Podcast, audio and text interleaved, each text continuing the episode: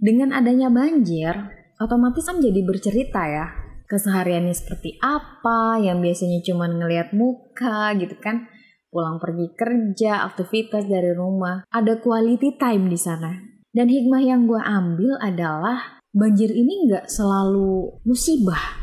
Banjir ini justru memberikan hikmah. Kita jadi ngobrol sama tetangga, kita jadi tahu aktivitasnya dia, dan kita juga jadi ngerti gitu. Lo tuh butuh orang. Hidup lo tuh nggak sendirian. Lo berjuang itu nggak cuma untuk menghidupi diri lo sendiri dan keluarga lo. Tapi lo juga harus bersosialisasi dengan tetangga lo.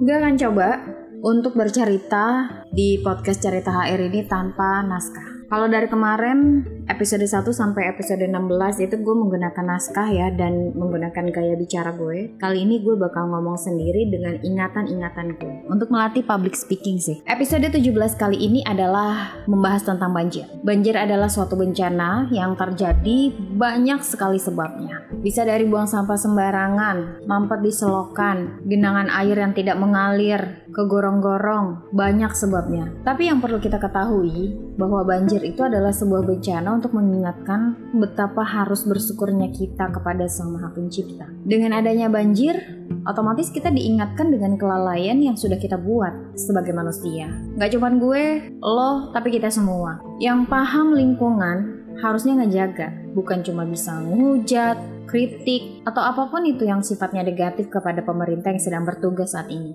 Kita sebagai warga Indonesia juga punya andil untuk merawat Indonesianya sendiri, lingkungan kita supaya nggak banjir. Selain banjir itu adalah bencana, tapi kita juga bisa mengambil hikmah dari kejadian tersebut. Dengan keadaan banjir, otomatis jiwa tolong menolong kita tuh bakal lahir. Para relawan turun ke jalanan bahkan yang bukan pekerjaannya. Ada kan ya para relawan yang emang udah kerja sebagai volunteer atau di beberapa lembaga sosial. Tapi ada juga masyarakat yang biasa, masyarakat umum ikut terlibat ketika banjir itu terjadi di suatu wilayah.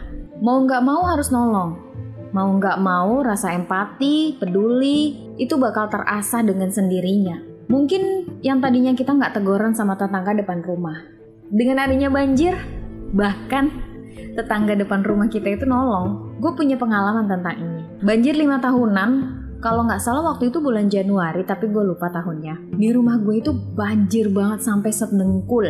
Nah, alhamdulillahnya di depan rumah gue itu tetangga gue itu lantai dua dan dia tuh di atas selokannya itu sudah dikasih kayak semacam tanjakan gitu loh kalau masukin motor ke dalam rumah atau ke dalam pagar itu kan naik ke atas ya pasti kalian udah pada tahu dong kalau perumahan-perumahan yang dirombak desainnya untuk masukin mobil untuk masukin motor apalagi musim banjir dilihat resapan yang nggak ada di kompleknya pasti bakalan dibikin desainnya seperti itu.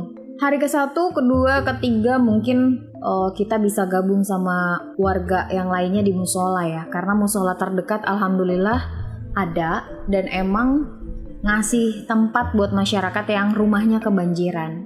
Boleh tidur di situ gitu. Kecuali pas waktu sholat ya harus dibersihin kan karena nanti jamaah juga bakal sholat di sana siang hari atau dalam keadaan nggak banjir kita harus balik ke rumah untuk bersih-bersih dan masjidnya juga dibersihin gitu. Malam pas mau tidur kalau hujan deras lagi banjir lagi boleh balik lagi ke masjid untuk tidur di sana ngungsi lah istilahnya. Satu ketika mungkin masjid penuh ya. Gue agak lupa juga ceritanya. Waktu itu gue masih SMP SM apa. Kayaknya udah lulus kuliah deh seingat gue banjir. Akhirnya kita ke ngungsi ke depan rumah di lantai dua. Gue lupa kondisinya seperti apa.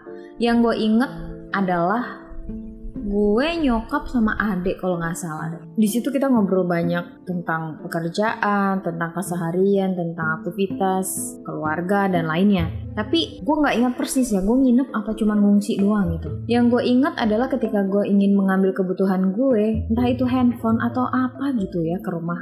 Kan sedengkul. Dalam perjalanan gue me meniti banjir di dalam rumah gue itu berpikir gue selama ini gue nggak pernah teguran ya paling senyum ya maksudnya bertegur sapa ngobrol kita kan kalau sama tetangga akrab itu kan harus ngobrol ya ini karena kita udah individualistis yang sibuk kerja teguran tuh pas papasan aja dan itu cuma senyum Bu, Pak, yang kayak gitu. Uh, apa ya, membuat kita tuh lo adalah tetangga gue, gue ada, gue adalah tetangga lo dan kita harus tegur sapa. Udah sebatas itu doang. Dengan adanya banjir, otomatis kan jadi bercerita ya kesehariannya seperti apa yang biasanya cuma ngelihat muka gitu kan. Pulang pergi kerja aktivitas dari rumah. Ada quality time di sana. Dan hikmah yang gue ambil adalah banjir ini nggak selalu musibah. Banjir ini justru memberikan hikmah. Kita jadi ngobrol sama tetangga kita jadi tahu aktivitasnya dia dan kita juga jadi ngerti gitu. Lo tuh butuh orang. Hidup lo tuh nggak sendirian. Lo berjuang itu nggak cuma untuk menghidupi diri lo sendiri dan keluarga lo. Tapi lo juga harus bersosialisasi dengan tetangga lo. Itu mengapa kita selalu dipesankan oleh Rasulullah ya orang yang paling dekat setelah keluarga itu adalah tetangga. Karena kalau kita ada apa-apa ya kayak gini lah kasusnya kebanjiran. Yang paling pertama itu bakal nolong kita. Tahu kita itu adalah tetangga.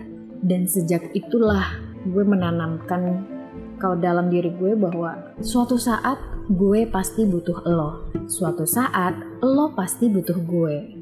Jadi kalau ketemu konflik kayak misalnya cuman parkir motor, parkir mobil di dekat lingkungan rumah, berusaha seminimal mungkin untuk berdamai, nggak bikin masalah dan kalaupun dia um, membuat sesuatu yang tidak kita suka gitu ya, parkir deh paling gampang. Dia parkir sembarangan di depan rumah kita.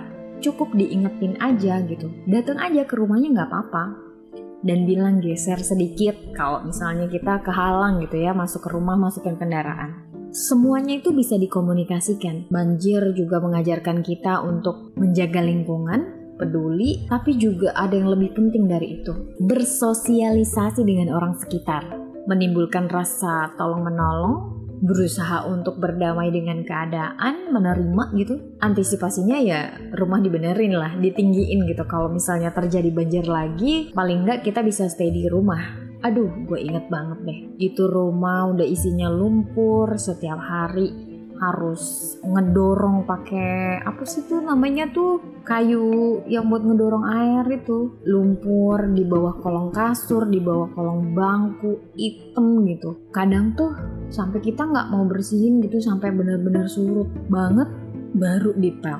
Padahal sebenarnya nggak bersihin itu paling enak pas ada airnya ya jadi pasirnya ikut kegeser gitu tapi karena takut dingin, takut masuk angin, takut ada binatang-binatang yang menggenang di air, akhirnya kita nunggu surut dulu baru dibersihin. Kayak gitu pernah kejadian banjir lima tahunan itu gue sempat ngerasain tiga kali kayaknya deh selama gue tinggal di Bekasi ini. Karena gue inget banget masa-masa banjir itu harus ngepel, buang lumpurnya, kedinginan, mau jalan ke kamar mandi itu sedengkul, air menggenang di setengah betis. Gue nggak bakal lupa sih keadaan itu ya. Kalau keluar rumah ngelihat anak-anak berenang gitu ya. Emang anak-anak tuh usia yang paling membahagiakan sih. Banjir jadi tempat happy buat mereka.